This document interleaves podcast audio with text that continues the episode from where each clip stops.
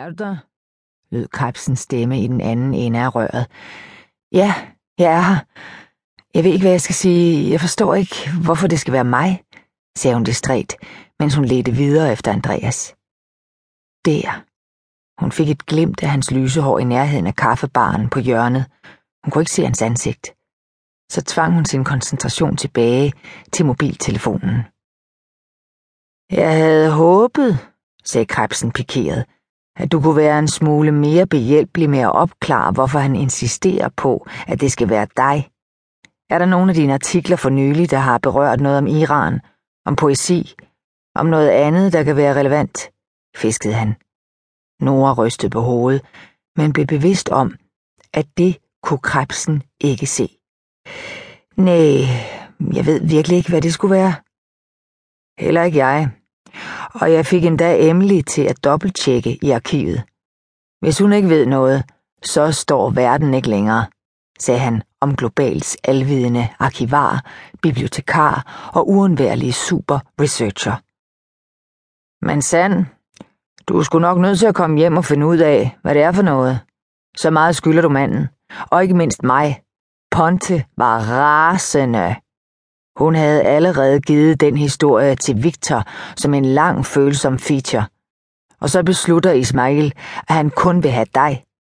Det var ikke det mest harmoniske redaktionsmøde, jeg har været med til i bladets historie, kan jeg godt røbe, sagde Krebsen. Nora sukkede. Mandag, okay. Krebsen trak på det. Så heller ikke senere. Historien skal jo ikke løbe fra os men han taler formentlig ikke med andre, så længe vi garanterer ham, at du nok skal møde op, sagde han og gjorde klar til at afslutte samtalen. Nå, den runde golf, den spiller jo ikke sig selv. God weekend. Nora ringede med det samme til Annette på redaktionen og fik hende til at booke en flybillet hjem. Og så var der ikke andet at gøre, end at gå til bekendelse over for Andreas. Og med den weekend de havde haft planer om at tilbringe hinandens arme, ville blive kraftigt beskåret. Hun var nødt til at tage et fly søndag eftermiddag for at kunne være klar til interview mandag morgen. Hendes blik søgte hen mod kaffebaren. Andreas havde skaffet sig en af de meget eftertragtede Monmouth Espressi, som Londons kaffeglade indbyggere gladeligt stod i kø for at få. Men han stod med det lille papkrus foran sig som i trance. Igen slog det hende, at hun vist ikke var den eneste, der havde fået voldsomme nyheder. Hun gik hen mod ham i håb om, at han ville fange hendes blik, men han stirrede ud mod markedets møller, mens han lignede en, der ikke så noget som helst. Det var først, da hun tog ham blidt i armen, at han så på hende. Andreas, hvad sker der? sagde hun og søgte hans blik. Han så først ned i jorden, så ud til siden. Til sidst fikserede han blikket på et punkt lige over hendes venstre skulder. Hun er gravid. Birgitte? Er Birgitte gravid? Noras stemme røg i falset. Andreas nikkede miserabelt. Hvad? sagde Nora dumt, mens hun forsøgte at forstå, hvordan det kunne ske.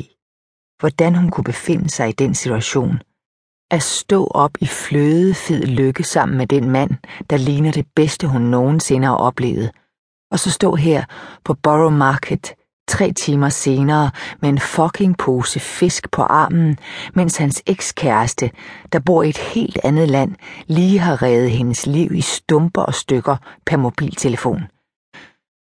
Hun er 13 uger henne, så hun beholder det. Hun har ventet med at sige det, indtil det var for sent at få det fjernet. Og hun ønsker fuld og hel deltagelse fra min side, har hun gjort klart. Fuld og hel deltagelse. Sådan var hendes formulering, sagde Andreas med flad stemme. Hvad gør du? spurgte hun. Han trak på skuldrene. Jeg ved det ikke. Jeg ved det virkelig ikke. Stilheden lagde sig imellem dem som et hav, mens de stod der som to små øer af ulykkelighed. Pludselig hver for sig. Nora, for helvede. Jeg ved det ikke. Jeg bliver vel nødt til at tage hjem. Finde ud af, hvad fanden der foregår. Altså, jeg ved det ikke. Nora hørte i det fjerne, hvordan posen med fisk ramte.